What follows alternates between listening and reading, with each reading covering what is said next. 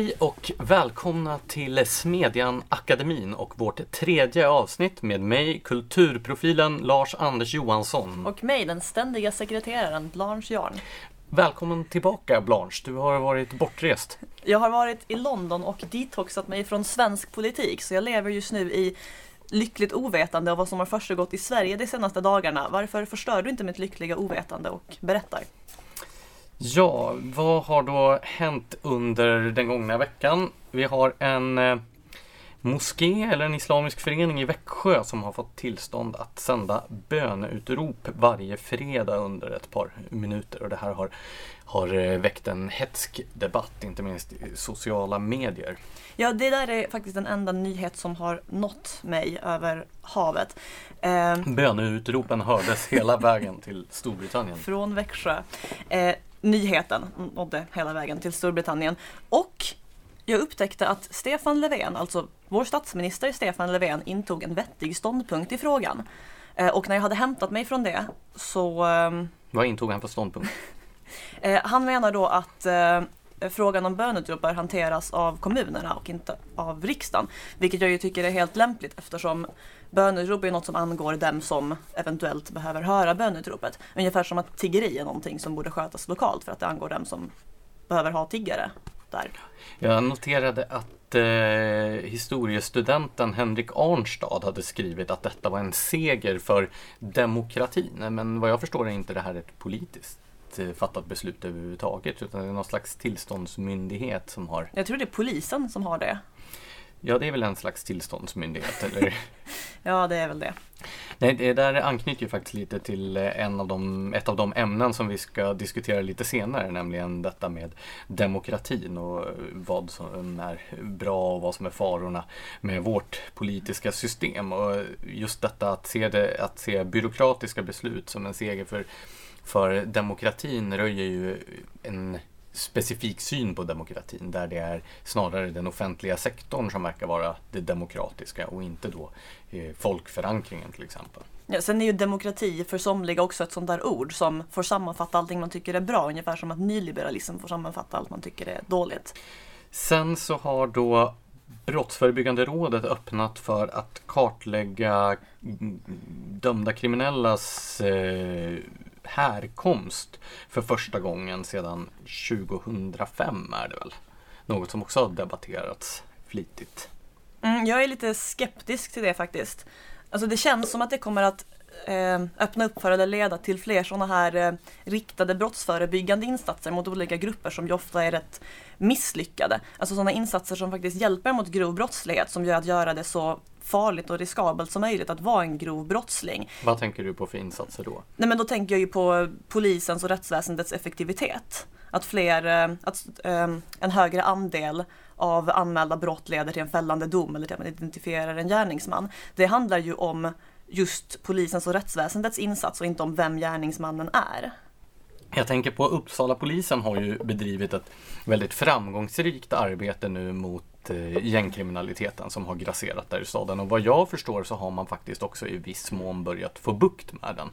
Och där uttalade sig eh, det heter inte länspolismästare nu, det heter någonting annat. Eh, Polischef, regionpolischef kanske? Ja, någonting sånt. Han uttalade sig i, i samma anda som du gjorde alldeles nyss. Det vill säga att eh, han jämförde faktiskt deras arbetsmetoder med Dirty Harry. filmpolisen spelad av Clint Eastwood. Jag börjar verkligen gilla Uppsala-polisen nu. Ja, men eh, det har i alla fall tydligen burit frukt för de verkar börja driva tillbaka de gängkriminella in i deras hålor. Sen kan man väl tycka i och för sig att det har varit konstigt att eh, Brottsförebyggande rådet som ju ägnar sig åt att samla in statistik för alla möjliga olika syften har vägrat så länge att just eh, skaffa den här typen av data. Jag menar, data är ju neutrala så att eh, vad man sen fattar för beslut har ju inte med, Nej, med statistiken att göra.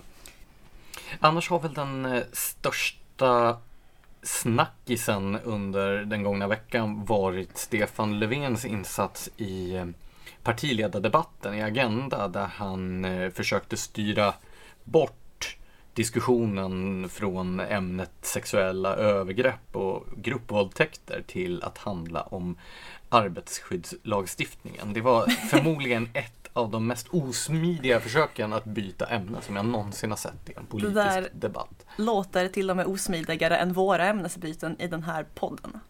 Ja, och om man då ska sätta sig in ifrån ett socialdemokratiskt perspektiv så var det ju också ett extremt klumpigt sätt att då Eh, helt och hållet skjuta frågan om arbetsvillkor och arbetsskyddslagstiftning i sank. För att det blev ju verkligen löjeväckande. Man hörde publiken i studion hånskratta. Det hördes ut genom tv-apparaten. Men vad, vad var det han sa? Alltså ja, gruppvåldtäkter är ett problem, men om folk bara hade bättre arbetsskydd så eller va? Det var ju något slags eh, meningsutbyte där med Jimmy Åkesson där, eh, de eller där Jimmy Åkesson diskuterade gruppvåldtäkter och sexuella övergrepp varvid statsministern säger att men om du Jimmy Åkesson säger att du bryr dig om kvinnornas situation varför vill du då försämra deras villkor på arbetsmarknaden? Och sen började han prata om LAS. Det var väldigt osmidigt.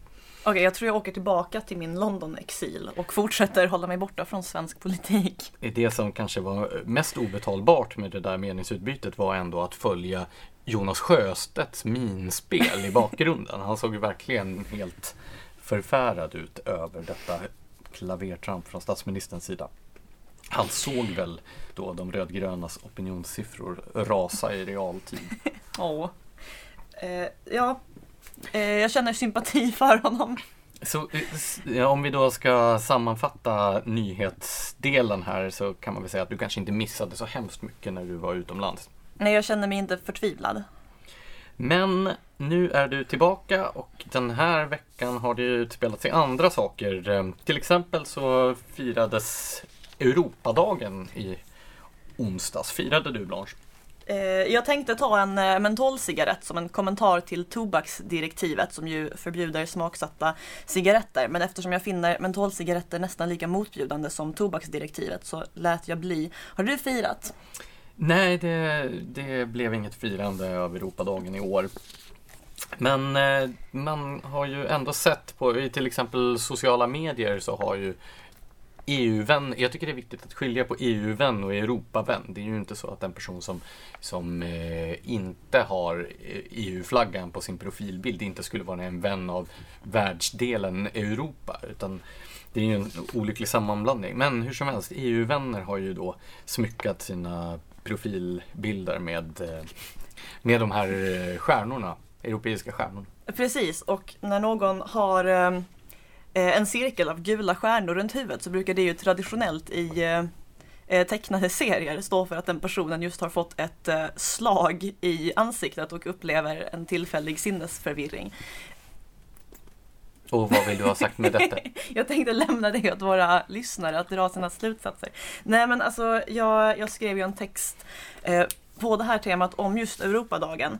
Eh, för jag tycker, alltså Europadagen eh, för att ta den historiska biten firar vi ju eh, till minne av eh, Robert Schumans deklaration om ett enat Europa genom samarbete eh, mellan Frankrikes och Västtysklands kol och stålindustrier som alltså är krigets eh, basindustri. Eh, och det var ju så EU började som, en, eh, som ett eh, freds och frihetsprojekt med så öppnare gränser och sänkta tullar och så. Problemet är ju bara att EU sedan ett tag tillbaka inte längre är ett frihetligt projekt och det är väldigt svårt att se några fredsambitioner också. Eh, jag tänker framför allt på den sociala pelaren som lanserades förra året. Som alltså stakar ut eh, en väg för EU där unionen i princip ska sträva efter att göra alla medlemsstater till någon sorts nordiska välfärdsstater.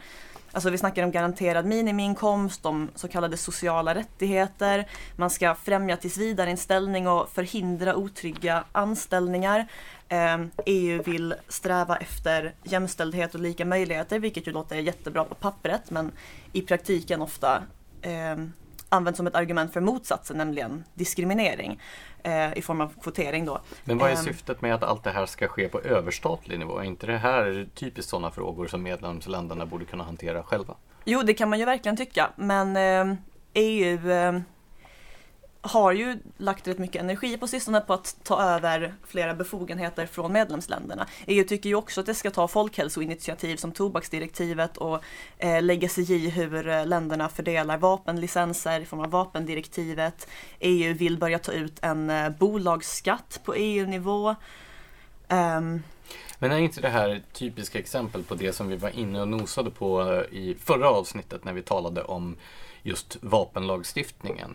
Att EU har blivit en arena för olika intressegrupper i medlemsländerna som då när de inte lyckas genomdriva sin agenda på nationell nivå så gör de ett nytt försök. Det blir ett slags andra chansen. Bara det att om man vinner på den nya nivån så får ens eh, förslag konsekvenser inte bara för invånarna i det egna landet utan för alla andra EU-länder också. Och att det är därför vi får så mycket lagstiftning som inte överhuvudtaget är anpassad för, ja men till exempel Sverige, eftersom den ursprungligen kommer från intressegrupper i ett land med helt andra förhållanden. Annat problem med EU är ju att eh, det som verkligen är insatta i hur EU fungerar, vilket ju är väldigt, väldigt komplext, det är ju nästan alltid anställda av EU och därmed per automatik lojala till det. EU drar ju såklart till sig personer som är positiva till EU. De jobbar där och blir mer insatta i det medan det är väldigt svårt för både vanliga människor och även ofta för journalister att sätta sig in i hur EUs olika processer går till, demokratiska och mindre demokratiska. Man brukar ju tala om det demokratiska underskottet i EU. Är det någonting du också håller med om? Så skulle man vara konspirationsteoretiskt lagd så skulle man ju kunna misstänka att det finns ett slags samband mellan den stora arbetsmarknad för politiker och politiska tjänstemän som hela EU-systemet eh, utgör och då den väldigt positiva inställning till samma system som finns bland politiska tjänstemän och eh, politiker. Jag har sett ganska många exempel på personer som var EU-skeptiska och sen så gjorde... Fick de jobb i EU? Fick de jobb i Bryssel och där kunde de liksom, till, som en eh, bekant som jag inte ska nämna vid namn, som beskrev tillvaron i Bryssel som en evig konferensresa utan slut. Det där och, låter som en mardröm. ja, men för vissa människor så är det någonting fantastiskt där de kan sitta på uteserveringar i Bryssel. Och, så EU består alltså inte bara av människor som verkligen älskar allt EU gör utan också av människor som älskar konferensresor. Det är över för den här kontinenten. Ja, men tänk dig så här, politiska nördar som kanske inte har haft det så lätt under sin uppväxt och sen liksom 25 till 35 års åldern så får de eh, då eh, jättebra eh, inkomster och liksom en utlandsvistelse betald av skattebetalarna. Det är klart att de blir positivt inställda och sen bär de med sig den här känslan när de kommer, kommer tillbaka. Ja, den här koncentrationen av folk i Bryssel som håller med varandra om att det EU gör är väldigt bra leder ju också till en viss tondövhet. Och apropå den här tondövheten tycker jag också det är värt att ta upp att eh, Karl Marx fyllde, eller skulle ha fyllt 200 år den 5 maj.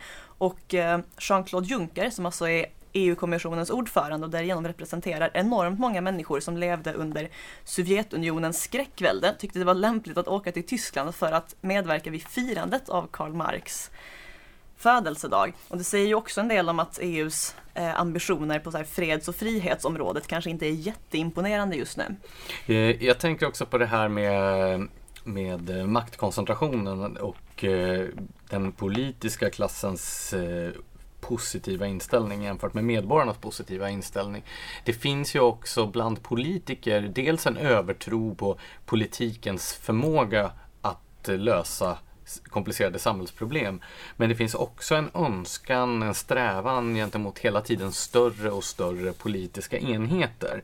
Där vi ser då att eh, politiker på båda sidor blockgränsen driver på för ett mer och mer centraliserat EU samtidigt då som vi ser ute i Europa så går ju den folkliga opinionen åt andra hållet. Vi ser Katalonien håller på att bryta sig loss från eh, Spanien.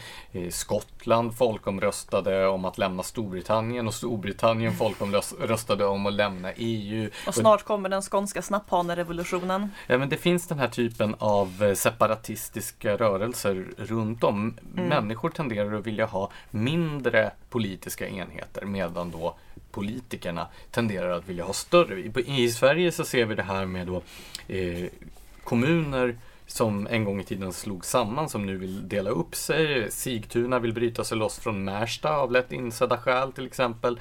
Eh, Knivsta som bröt sig loss från Uppsala har blivit en väldigt framgångsrik kommun och ja, det finns hur många exempel som helst. Men det där är ju naturligt för att för medborgaren så får en medborgare får ju mer inflytande ju mindre politiska enheter gäller för då väger hans eller hennes röst mer. Men en politiker får däremot mer inflytande ju större hans politiska enhet är. Det där är ju i och för sig en sanning med modifikation eftersom de, eh, om vi tittar på till exempel frågan om storregioner där man vill slå samman landsting till mm. gigantiska politiska enheter så handlar det ju om hur regionindelningen sker. För om man skulle förverkliga den eh, senaste planen där med en jättestor norrländsk storregion så skulle det innebära att vissa partier i princip helt skulle utplånas på landstingsnivån. Till exempel Centerpartiet och Liberalerna. Och det som gör det här så otroligt märkligt är ju att det är de partier som driver på för den här utvecklingen. Så det är ju något slags, jag vet inte, något självskadebeteende. Politisk masochism. Ja, de vill utradera sig själva på landstingsnivån. För de här storregionerna är ju generellt sett konstruerade så att det skulle bli socialdemokratisk dominans nästan överallt om de här regionerna blev verklighet. Och för invånarna på många håll skulle det vara en katastrof. Som I Jämtland har man ju protesterat högljutt eftersom för deras del så skulle det innebära att eh, all sjukvårdsadministration skulle flyttas till Umeå som ju ligger vansinnigt långt därifrån.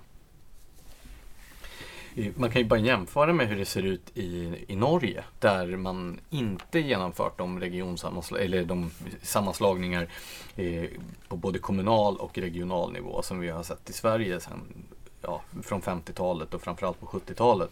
Där är ju kommuner och regioner mycket starkare gentemot staten än vad det är i Sverige.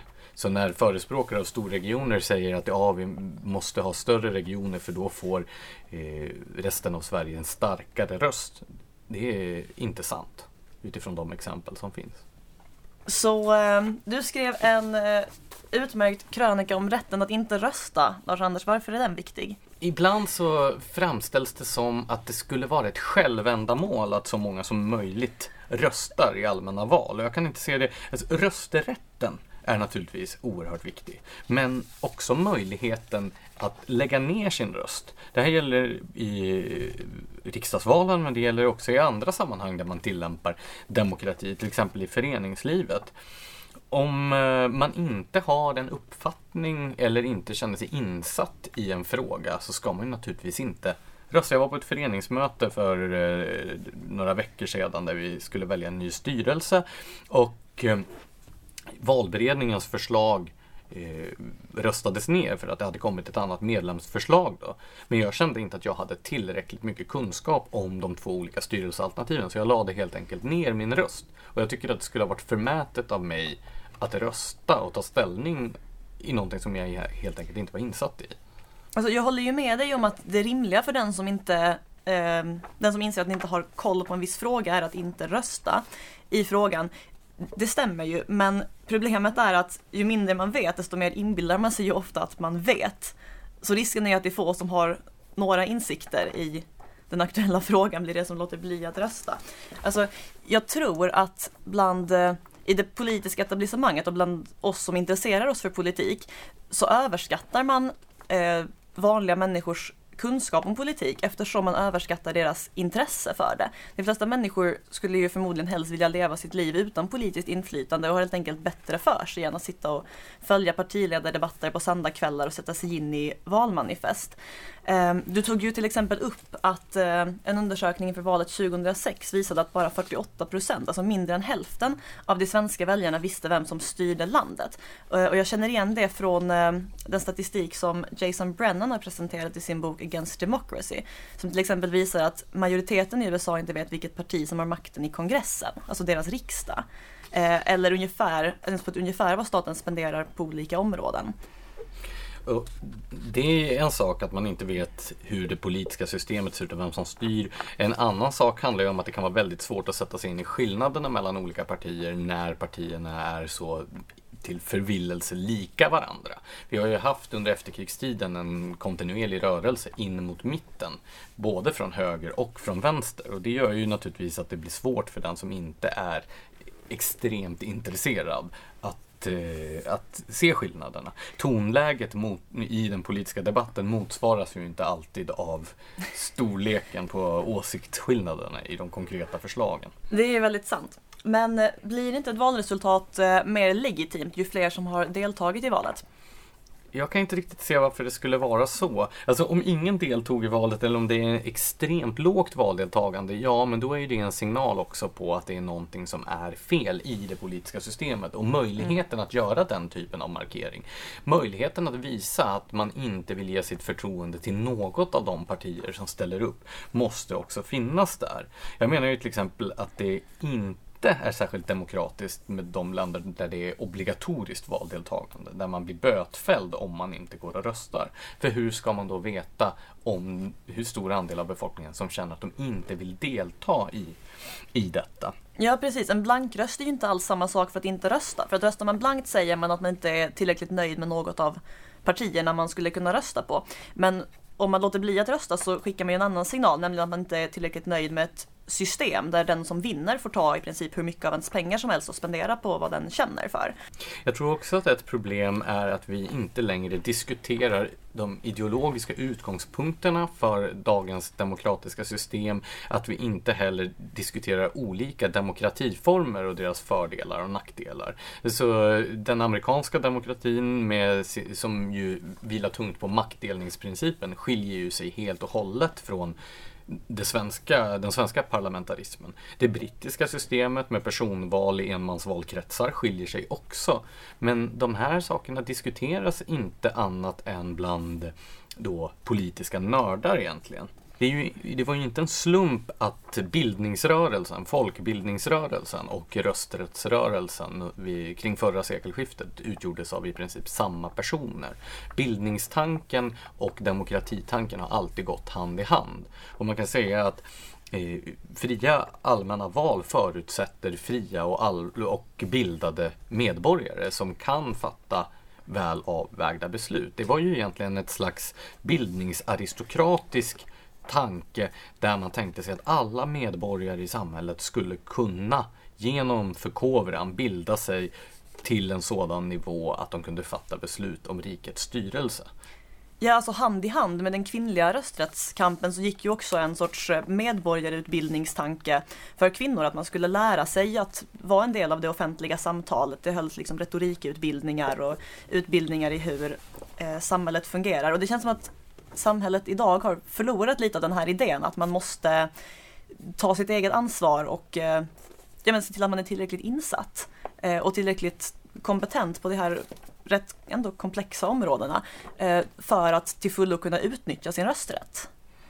Ja, men det speglar väl egentligen hela den kunskaps och bildningssyn som har, som har gått förlorad en gång i tiden så fanns det inom både den liberala rörelsen och inom arbetarrörelsen en idé om att alla människor skulle kunna höja sig själv till en, en eh, högre bildningsnivå. Medan det under de senare decennierna snarare har blivit ett slags du duger som du är. Du ska inte behöva anstränga dig eh, inställning som ju naturligtvis då går ut över de människor som faktiskt försöker förkovra sig. Men lite mer konkret, vad är det för saker du tror skulle få demokratin att funka bättre då? Det här med att flytta makten, beslutsmakten närmare medborgarna, det, det tror jag ju verkligen på. Jag tror att den svenska demokratin förlorade oerhört mycket vad gällde engagemang just genom de här kommunsammanslagningarna som skedde från 50-talet till eh, 70-talet. När eh, det var Eh, nio av tio politiska förtroendeuppdrag som gick förlorade. Innan dess, det var alltså 200 000 politiska förtroendeuppdrag som försvann under en 20-årsperiod i Sverige. Så innan den här förändringen, då kände ju alla då de som var politiskt eh, valda.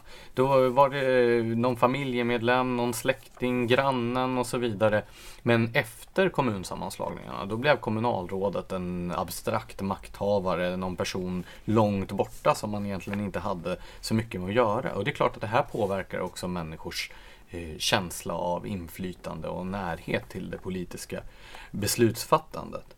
Det som sen har växt fram i tomrummet efter alla de här eh, Typ politiska förtroendeuppdragen som försvann. Det är ju en politisk tjänstemannaklass istället. Det vill säga eh, politiska sekreterare och andra som ska serva de allt färre folkvalda.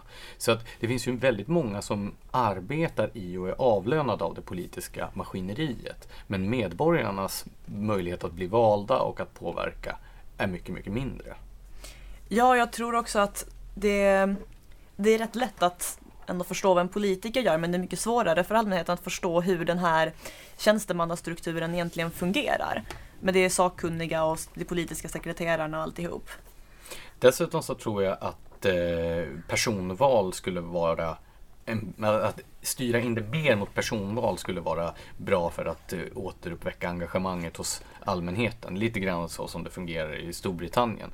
I Sverige har partiorganisationerna så otroligt mycket makt. Om du tänker dig att du skulle bli vald på mandat för något av de stora eh, att du skulle bli personkryssad in på mandat för något av de stora riksdagspartierna i Sverige. Och sen så deklarerar du att ja, men jag tänker gå emot partilinjen i de här centrala frågorna och det har jag väljarnas stöd i ryggen. Så kommer du att under fyra år, om du pallar att sitta så länge ens, vara helt motarbetad av dina partikamrater och sen när det är dags för nästa val så kommer du sannolikt inte ens att hamna på valbar plats på listan för att du betraktas som en förrädare. Det är ju ett system som i sig uppmuntrar till strömlinjeformning och likriktning. Och det tror jag ytterligare minskar engagemanget. Medan däremot en man av valkretsar också skulle leda till eh, mer möjligheter till ansvarsutkrävande, vilket jag tycker saknas rätt mycket i det svenska politiska systemet. Både för att man kan hänvisa till EU som vi nämnde innan och vänta på att det ska genomföra den dåliga politiken man inte själv vill stå för och för att det är väldigt svårt för de flesta människor att veta vem exakt det är som är tänkt att representera dem. Så är det. Ska vi gå in på en konkret politisk fråga? Det har ju varit folknykterhetens dag i veckan. Firade du den Blanc?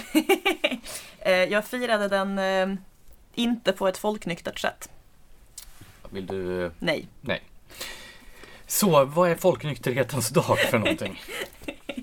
Eh, jag tror det är någon gammal kvarleva från, eh, från när nykterheten var ett folkrörelse och inte ett politiskt överhetsprojekt som byggde på folkförakt.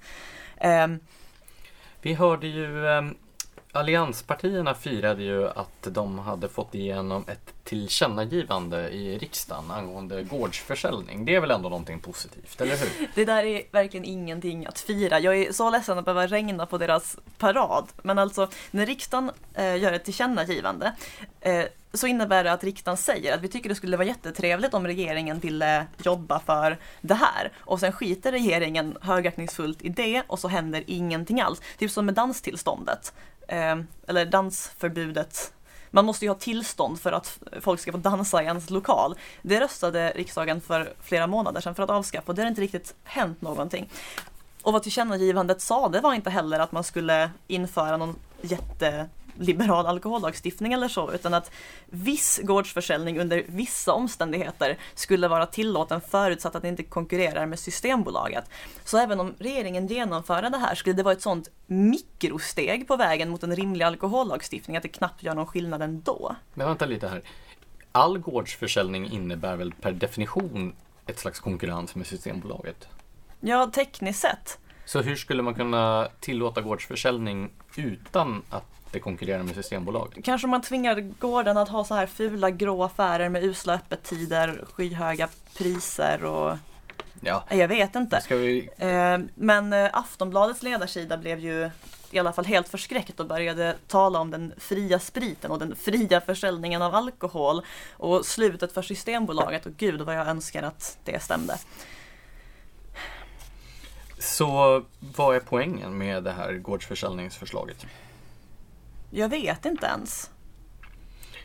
För Den eh, svenska alkoholpolitiken är väl i mångt och mycket en eh, kvarleva från den tiden när staten ansåg att den skulle ta ett väldigt stort ansvar för folknykterheten. Hur levande är den här ideologin idag?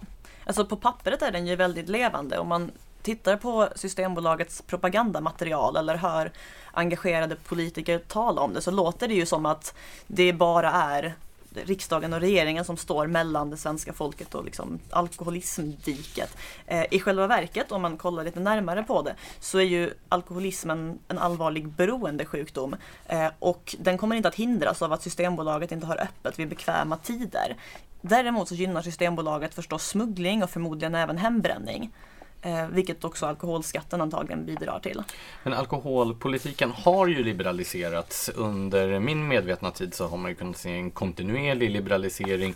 Vi har dels då införselreglerna som har eh, blivit generösare sedan EU-medlemskapet eh, e bland annat. Mm, vi förlorade ju fem av sex alkoholmonopol, förlorade, vi befriades från fem av sex alkoholmonopol i och med eh, vårt medlemskap i EU. Och har det här lett då till ett ökat drickande och ett ökat missbruk? Ett tag efter EU-medlemskapet så ökade drickandet per capita och sen kommer jag inte ihåg när men sen dess har det vänt nedåt igen. Eh, orelaterat verkar det som till alkohollagstiftningen. Eh, Finland in, eller, eh, avskaffade ju nyligen eh, Alkos som är deras systembolags monopol på försäljning av alkoholdrycker under 5,5 procent. Och apropå att Sveriges inställning till alkohol inte är rimlig. Vad regeringen gjorde var då att skriva till EU och kritisera den finska lagändringen på grund av risk för den finska folkhälsan som ju verkligen inte angår vår regering eh, och den nordiska alkoholpolitiken. Och sen följde Systembolaget upp med en kommentar om att Finlands agerande inte är i linje med frihetsinskränkningarna i övriga EU på alkoholområdet och att det är ett problem att Finland redan har högst alkoholkonsumtion per person. Det ironiska med det är ju att det är Danmark som har den friaste alkohollagstiftningen. Så med Systembolagets logik borde det därför vara Danmark som har störst problem och inte Finland. Så Sverige skvallrade på sitt grannland, är det det som du säger? Ja, Sverige är som den dryga ungen på skolgården som springer till läraren så fort någon går utanför stängslet lite. Det, man skäms ju över det. Samtidigt så är ju Systembolaget som eh, butik eller myndighet eller vad man ska säga otroligt populärt bland, eh, bland eh, svenskarna. Hur förklarar du detta? Jag fattar inte hur det kan vara populärt. Eller förmodligen så handlar det ju mycket om att um, man ju får se väldigt mycket reklam för Systembolaget men man inte så ofta kommer i kontakt med hur det fungerar i andra länder. Man reser ju visserligen utomlands men då går man till en bar eller en restaurang. Det är ju väldigt sällan man kommer i kontakt med hur det faktiskt är att vara en vanlig så här, vardags vardagsalkoholkonsument kan ju låta fel, men någon som så här då och då tar ett glas vin i ett land med en friare lagstiftning. Och därför är det ju lätt att luras med i den här svenska attityden att vi är lite bättre på att sköta saker i allmänhet än andra länder. Vi talar ju i och för sig om en befolkning som också tycker att Skatteverket är den populäraste myndigheten. ja, fy fan. Ska vi gå vidare till ett ännu mer deprimerande samtalsämne? Låt oss göra det. Det är nämligen så att vi upplever en rivningsvåg på nytt av kulturhistoriskt värdefulla byggnader som egentligen inte står 60 och 70-talens stora rivningar efter. Men till skillnad mot för då så förs det betydligt mindre samhällsdebatt kring detta. Det är en eh, rivningsvåg som sker i stort sett i det fördolda med några få eh, exempel. Vi hade till exempel, vi har i Stockholm det här tullhuset på Blasieholmen som det har blivit strid kring på grund av att man vill bygga det nya Nobelcentret där och så vidare. Men överlag, både i Stockholm och i övriga Sverige, så sker de här rivningarna mer eller mindre utan konflikter. Och vi hade ett reportage i veckan som Malin Lernfelt skrivit om eh, turisthotellet Oscars på Marstrand. Vill du berätta om, om det, Blanche? Ja, alltså det är ju ett riktigt skräckexempel på den här nya rivningsvågen. rivningsvågen, ja. Eh, det här är ju byggt i slutet av 1800-talet och var liksom kärnan i den badortsepok som, eh, som präglade det tidiga 1900-talet och kung Oscar II och societeten i allmänhet reste till Marstrand och eh, levde livet där över somrarna i alla fall. Ehm, så turisthotellet byggdes i slutet av 1800-talet. Det är så väldigt vacker jugendstil, nationalromantik. Det är ett väldigt vackert hus eh, som såldes till sin nuvarande ägare 2004 efter att ha blivit eh, misskött eh, under en längre tid. Och i princip omedelbart så inkom den här fastighetsägaren som heter Ernst Rosén eh, med en ansökan om rivningslov. Ehm, det här huset är ju liksom, det är ett kulturarv. Ehm, enligt stadsplanen så ska det bevaras och hanteras varsamt. Ehm, huset finns med i Kungälvs, som alltså är kommunen Marstrand ligger i, i Kungälvs bevarandeplan.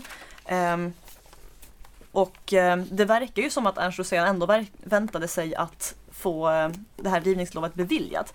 Han eh, har nära band till en arkitekt som har ritat ett eh, modernt sexvåningshus som ska stå försköna platsen. Eh, en byggnadsingenjör och en centerpartistisk eh, lokalpolitiker. Men det här väckte jättemycket motstånd eftersom folk verkligen vill ha kvar de här husen. Så vad eh, Ernst Rosén gjorde var att eh, applicera en gammal taktik från 60 och 70-talens rivningsvåg. Nämligen att helt enkelt låta husen stå utsatta för väder och vind utan underhåll så länge att det i princip var bortom räddning. Och då hade ju kommunen till slut inget annat val än att bevilja rivningslovet, vilket skedde i februari i år. Och ehm, ja, nu kommer det ju tyvärr att rivas. Och vad ska man bygga där istället? Ja, någon sorts sexvåningshus som jag vill minnas är för bostäder som ser ut som så moderna byggnader i allmänhet. Jag tror att eh, man vid något tillfälle inkom med ett lite bättre förslag som i alla fall hade någon sorts blinkning åt eh, turisthotellets stil. Eh, jag vet att när Uppsala kommun ville bygga eh, Uppsala konsert och kongress. Du vet, det ser ut som en kärnreaktor precis mitt i centrala mm. stan. Så var det ju bara så olägligt att det stod ju gamla vackra 1800-talshus på den tomten där man ville bygga vid Vaxhalla torg som var kulturminnesmärkta. Och de där husen fick ju då stå och förfalla. Och sen helt plötsligt, som av en händelse, så råkade de här husen brinna ner i en anlagd brand. Vilket då möjliggjorde det här bygget och man grep aldrig de som hade anlagt den här branden.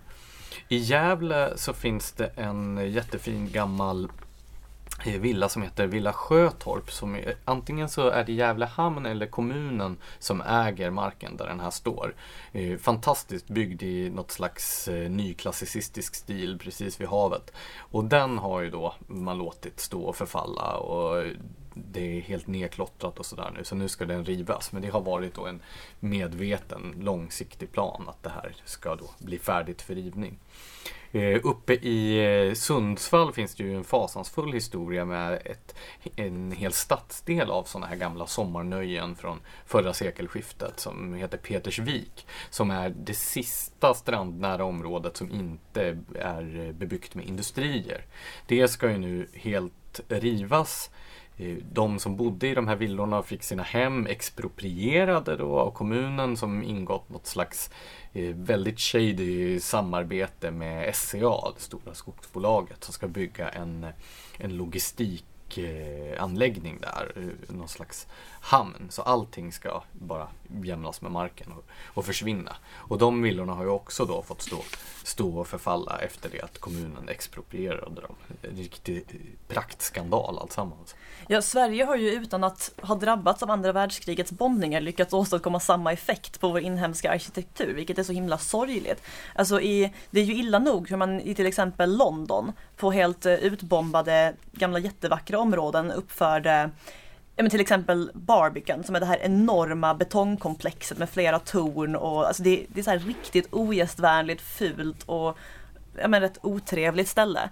Eh, som står på ruinerna av eh, det gamla Cripplegate som var jättevackert. Och det blir på något sätt ändå mer förlåtligt när det var krig och den sortens destruktion som ligger bakom det här. Men att helt nästan avsiktligt få de här vackra stadsdelarna att förstöras till den grad att man ersätter dem med ja, de här modernistiska byggnaderna. Det är faktiskt helt sjukt. Ja, i vissa avseenden så är förstörelsen faktiskt större i Sverige än i många av de länder som drabbades av krigets bombningar eftersom i de länderna har man återuppbyggt väldigt mycket. Dresden i, som, i Tyskland som blev nästan helt utplånat är väl praktexemplet på detta. Men nu ser man framförallt i gamla Östtyskland men också i många andra delar av Centraleuropa hur man faktiskt försöker återskapa de förlorade stadsmiljöerna och restaurera de hus som förstördes och så vidare. Men i Sverige så har vi istället väldigt okänsligt genomdrivit ett slags eh, modernistisk estetisk ideologi utan att det har varit några bombningar innan utan man medvetet har, har rivit. Det finns ju den här dokumentärfilmen när Domus kom till stan som, som skildrar hur de svenska stadskärnorna förstördes av stadsplanerare och kommunpolitiker i, i skön förening. Där eh, man då på de bästa tomterna i städerna rev gammal bebyggelse och byggde då eh, arbetarrörelsens Domusvaruhus som ett slags symbolisk handling överallt. Stora Fy. betonglådor. Alltså jag har en teori om den här skillnaden mellan Sveriges och men till exempel Tysklands eh, attityder till eh, arkitektur och återuppbyggnad och så. Eh, jag var i Berlin förra året och där håller det ju på att återuppföra två, eh, två gamla palats som eh, revs av eh, DDR efter kriget. Och det har ju funnits ett politiskt motstånd mot att återuppföra det men det fol alltså folkligt har man varit positiv till det. Eh, och jag tror det här handlar om att i Tyskland så förknippar man det här efterkrigsprefabricerade byggnaderna eh, med eh, det gamla DDR och med liksom, förtrycket och allt andra det förde med sig. Och att bryta med den stilen och återgå till det, det traditionella är för dem att röra sig framåt. Men i Sverige så förknippar vi istället fortfarande de här fula betongkuberna med modernitet och den traditionella stilen med det gamla och förgångna och eftersom vi vill se oss som progressiva så försöker vi röra oss framåt. Bort från den här gamla stilen som uppskattas i många andra delar av Europa nu. Ja, jag tror att du har en poäng. Samtidigt så är det så märkligt att många inom borgerligheten har anammat den här modernistiska estetiken trots att det ju verkligen borde vara uttrycket för det socialdemokratiska Sverige som de vill att vi ska röra oss bort ifrån. Eh, för man ska ju också komma ihåg att modernismen, som jag eh, använder begreppet nu, är ju inte frågan om en stil utan det är en hel estetisk ideologi, en egen tradition som då från början när den slog igenom på bred front i Sverige i början av 30-talet gick ut på att man helt och hållet skulle bryta med alla de föregående historiska stilarna. Om man verkligen vill sätta sig in i den här ideologin så ska man läsa Eh, manifestet som heter Acceptera som kom 1931 och skrevs av då, dåtidens mest inflytelserika arkitekter och eh, stadsplaneringsideologer. Och där är det väldigt tydligt att det uttalade syftet är att man ska bort från det historiska, bort från allt sentimentalt, allting som är vackert. Skönhet beskrivs i det här manifestet som någonting negativt. Så när människor nu i efterhand försöker försvara den här medvetna förfulningen med att det, nej, smaken är som baken så och att det bara ligger i betraktarens öga vad som är vackert och inte. Då bortser man från att nej, det var inte syftet. Syftet var att medvetet bygga saker som inte skulle vara vackra. I eh, Anne Applebaums bok Järnridån som handlar om eh, de första 10-11 åren av det sovjetiska maktövertagandet efter kriget i ett par eh, forna öststater, så beskriver hon i ett kapitel hur arkitekturen till och med såg som en sorts verktyg för att forma den här Homo sovjeticus, alltså den nya kommunistiska människan. Och faktum är ju att arkitektur påverkar människor otroligt mycket och stadsplanering också. Om man åker genom ett sånt här område som är fullt av så här långa rader av identiska hus med så här platta ogästvänliga fasader, så grå färger och så vidare. Man inser ju hur det måste forma en människa att växa upp i en av de här små bikuporna i alla det här, bland alla de här identiska, lika fula lägenheterna. Det är ju inte direkt en upplyftande tanke. Samtidigt ska man komma ihåg att eh, den sovjetiska realismen, alltså den arkitekturstil som rådde under Stalin, var ju en klassicistisk stil. Det finns ju ett slags eh, ironi i detta att i Sovjetunionen så levde ju klassicismen vidare eftersom man visste att det fungerade. Om du tittar på de här eh, stora Stalinskraporna som byggdes i Warszawa och i, i, i, i Moskva och så vidare. Så de är ju pampiga eftersom den klassiska arkitekturen under 2000 år hade utvecklat vad det var som funkade och inte. På samma sätt levde det klassiska måleriet också kvar bakom järnridån eftersom man visste att de här sakerna funkade. Man ville ju då eh, påverka människor och vädja till deras känslor och då använde man de metoder som fanns. Medan i det kapitalistiska väst så gick man istället all in för modernism. Alltså Stalins efterträdare bröt ju med det här men just under Stalins tid så var det ju Det var ju liksom byggnader som var designade för att imponera. Man känner ju sig ganska liten när man går förbi till exempel det här kulturpalatset i Warszawa. Och jag tror att det är helt avsiktligt. Det skulle symbolisera att staten var liksom stor, stark och mäktig och människan var riktigt liten. Och det funkar ju också. Alltså kulturpalatset i Warszawa är ju stadens populäraste byggnad bland de som bor i Warszawa. Samtidigt som kommunismen är ju inte särskilt populär i Polen idag. Så att byggnadens kvalitet, de, den klassiska arkitekturen står sig även om den ideologi som manifesterades har dött ut och är föraktad. Mm, det är sant. En intressant anekdot i sammanhanget är jag hade Alexander Wolodarski, det vill säga Peter Wolodarskis far, som var planarkitekt i Stockholm tidigare, i en panel här på Timbro om stadsplanering och arkitektur. Där han berättade om sin egen skolning då i det stalinistiska Polen. Där han som arkitekt utbildades i hela den här klassiska stilen. Och eftersom han förknippade det med det kommunistiska förtrycket så avskydde han klassicismen och ville bli modernist. Och sen då när han flyttade till Sverige under modernismens verkliga blomstringsepok så upplevde han först att åh, det här är ju så fantastiskt fritt, det är så här det ska vara. Men efter ganska kort tid så märkte han att det var precis samma typ av likriktning som rådde i Sverige vad gällde arkitekturen. Bara det att det var en påbjuden modernism istället för en påbjuden klassicism. Vilket ju är ännu värre. Och sen då utvecklades han med tiden mer och mer i en klassicistisk riktning. Och då hade han ju fördelen att han faktiskt hade utbildats i klassisk arkitektur i det stalinistiska Polen. Och det är ju tack vare det som vi fick till exempel det här fantastiska Sankt Eriksområdet på Kungsholmen i Stockholm som byggdes på 1990-talet i ett slags 20-tals klassicistisk stil och det är ju Alexander Wolodarski som ligger bakom det. Ett av Stockholms populäraste eh, bostadsområden, alltså vad gäller nybyggda stadsmiljöer bland alla utom då arkitekter. Alltså en grej jag tänker på när vi talar om att, eh, att bevara respektive riva ner gamla byggnader. Det är att vi är ju väldigt, vi är ju för bra i Sverige på att bevara naturintressen. Vi har ju ett här helt extremt strandskydd trots att vi verkligen inte har någon brist på stränder i det här landet. Eh, men däremot är vi jättedåliga på att bevara kulturbyggnader och kulturarvet. Det är byggnader som till exempel det turisthotellet på Marstrand som en gång rivs, det kommer ju inte tillbaka. Nej, och det som byggs blir med största sannolikhet mycket fulare. Det är därför som det också, om man överhuvudtaget är estetiskt intresserad eller intresserad av eh, hur stadsmiljöer utformas så finns det ju ett skäl att motsätta sig mycket av den exploatering som sker idag. Om byggherrar, kommunpolitiker, arkitekter och andra ville sluta få så mycket protester emot sig så kanske de inte skulle framhärda i att hela tiden bygga sånt som de allra flesta människor avskyr.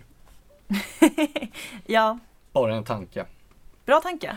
Ska vi avrunda detta med eh, att ta en eh, lyssnarfråga? Låt oss göra det. Berätta Lars-Anders, vad har vi fått in för lyssnarfrågor? Ulf Kruckenberg var det, som hade synpunkter på hur vi hade mikrofonerna placerade i eh, videon och bilderna som togs inför den här poddlanseringen. Vad var hans synpunkter? Han eh, skrev att eh, det syns att ni inte har någon ljudtekniker i närheten och sen hade han en sån här smiley som skrattar så att den gråter. Så roligt tyckte han att det var. Och, det är ju bra att vi kan väcka sån glädje hos Ulf våra följare. Kruckenberg, jag kan bara säga att nej, vi hade ingen ljudtekniker i närheten. Det stämmer ju att våra mikrofoner är helt felvinklade på den där bilden. Men jag kan ju också då säga att vi spelar ju inte in när bilden tas. Mikrofonerna var ju faktiskt bara rekvisita där. Så att, eh, jag hoppas att det inte är någon som blir besviken på detta. Men eh, vi, förhoppningsvis så har vi åtminstone lärt oss hur vi hanterar de mikrofoner som vi använder när vi spelar in.